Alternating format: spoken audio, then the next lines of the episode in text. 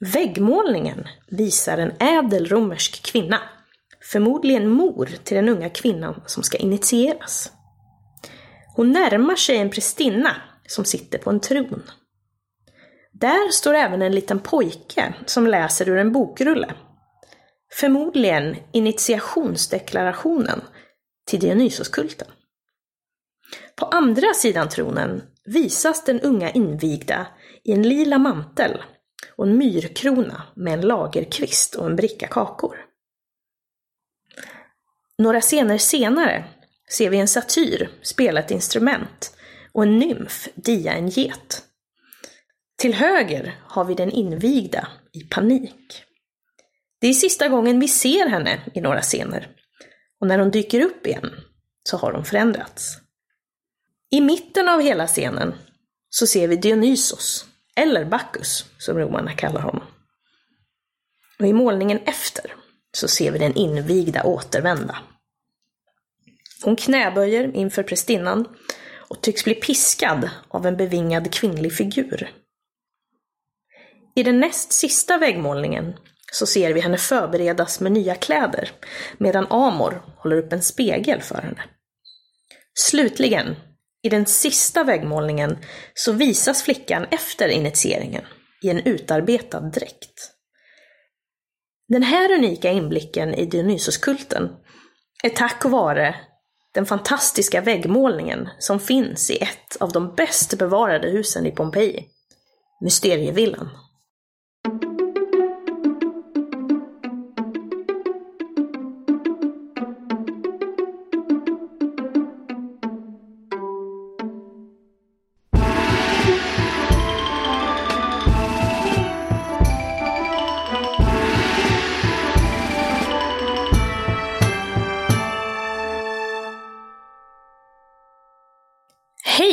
Och välkomna till Podius Castus, en podd om antiken.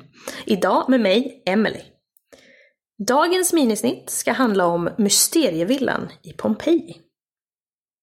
I vårt avsnitt om Vesuvius så beskriver vi hur vulkanen begravde staden Pompeji under meter av lager av aska och pimpsten. När man sedan återupptäckte staden och började gräva ut den på 1700-talet så upptäckte man skatter och en hel antik stad man tidigare aldrig hade skådat. Utgrävningarna de har pågått i omgångar sedan dess, alltså över 300 år. Och det finns fortfarande stora områden i Pompeji som man inte har grävt ut.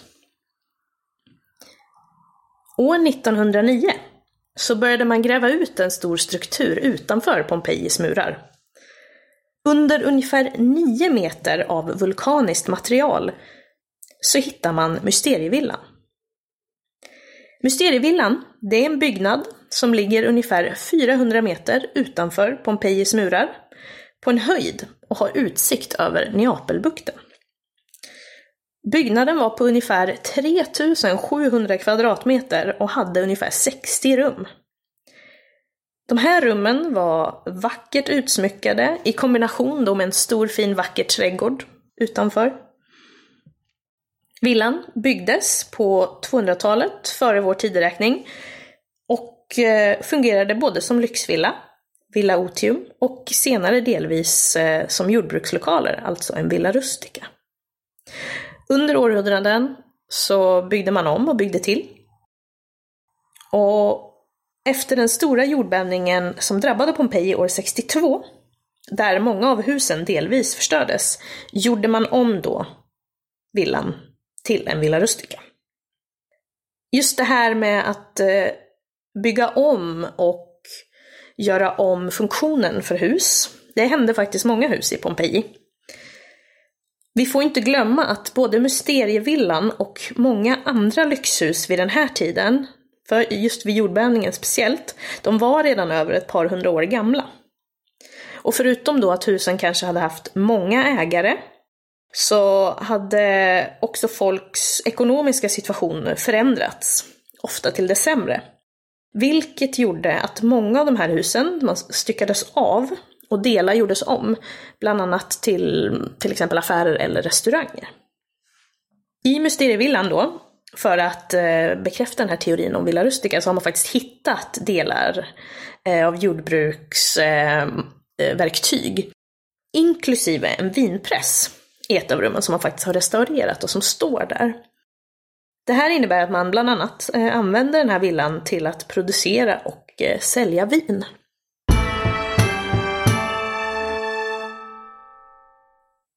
Mysterievillan, det är ett modernt namn och anledningen till att villan har fått det här namnet, det är på grund av de här vackra freskerna, alltså väggmålningarna, som finns i vad man tror var ett av husets matrum, alltså ett så kallat triklinium.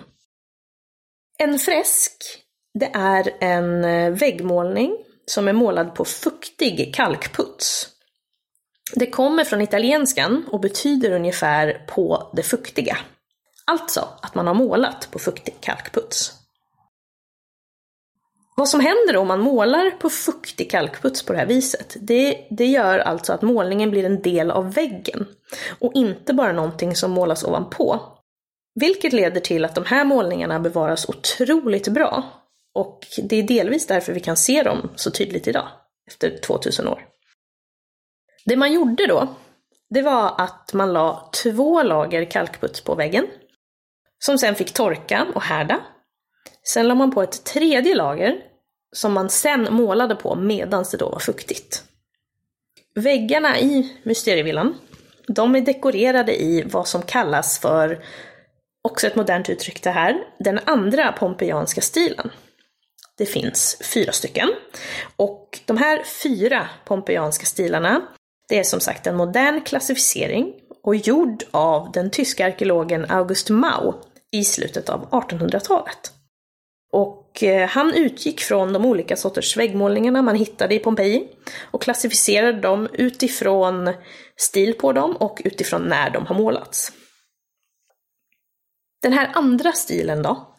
Den kännetecknas eh, bland annat av sina skildringar av arkitektoniska särdrag som pelare och överhängande pediment. Och även sina illusionistiska element där man får ett intryck av djup i målningen.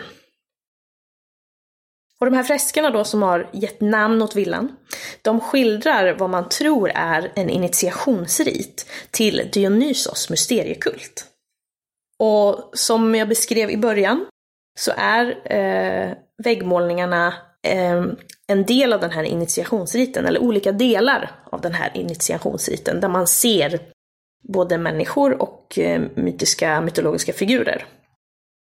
Och de är ett exempel på megalografi, vilket är en grekisk term och betyder, eller hänvisar till målningar i naturlig storlek.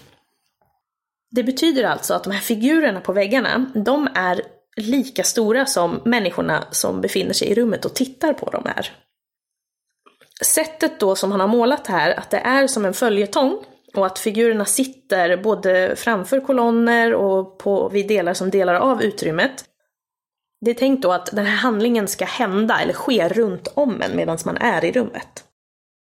Och som sagt så föreställer ju de här freskerna initieringen av en ung kvinna in i den dionysiska mysteriekulten.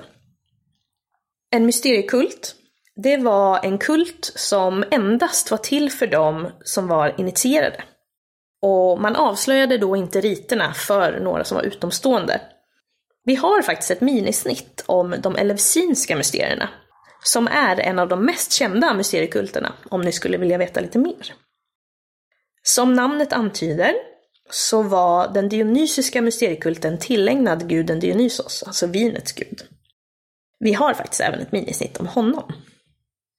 Det lilla vi vet om kulten, det var att Eh, bland annat att man fokuserar mycket på frihet genom berusning och att gå tillbaka till ett naturligt stadium. Och när man får följa den här unga bruden runt i sin initiering så har vi ju då Dionysos i centrum. Eh, han sitter där antingen med sin mamma Semele eller med sin fru Ariadne. Tolkningarna går lite isär. De här målningarna, eller freskerna, de är absolut värda en googling. Eh, de är väldigt vackra att titta på, så det kan jag verkligen rekommendera.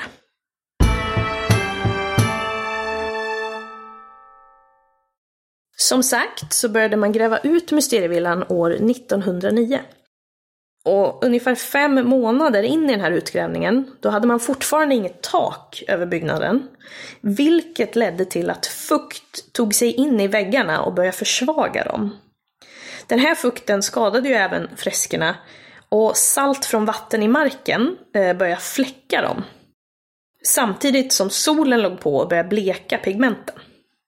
Det ledde till att eh, man gjorde flera tidiga försök att bevara de här väggmålningarna. Bland annat så plockade man bort dem, förstärkte väggarna och sen satte man tillbaks dem igen. Sen så la man på vax blandat med olja för att rengöra och bevara de här pigmenten.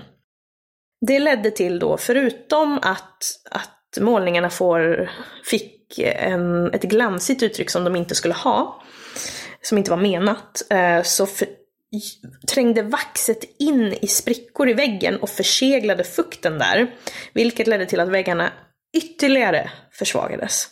Och det här upprepade man då flera gånger under 1900-talet.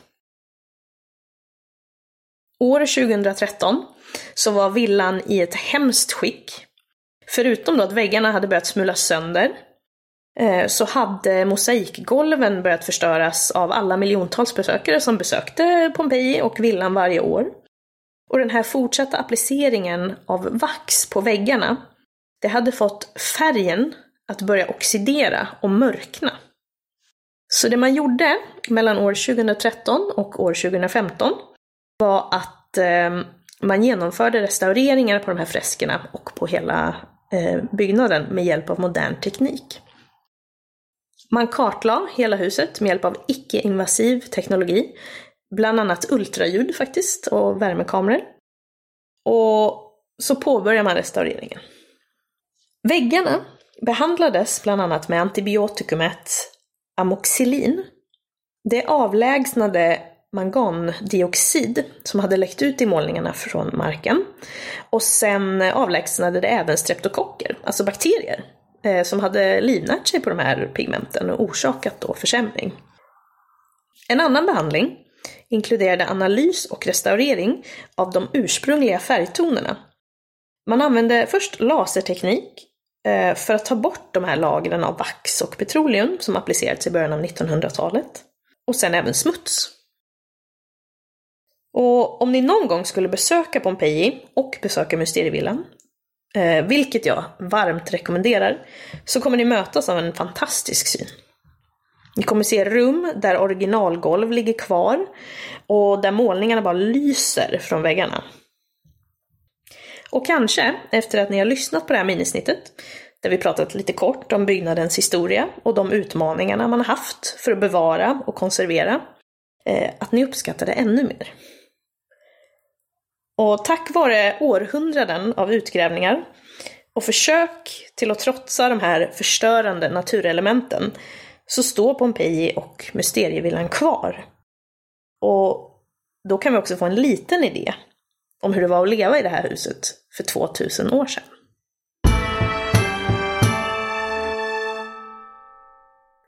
Det var dagens minisnitt, en eh, kort sammanfattning av Mysterievillan som finns i Pompeji.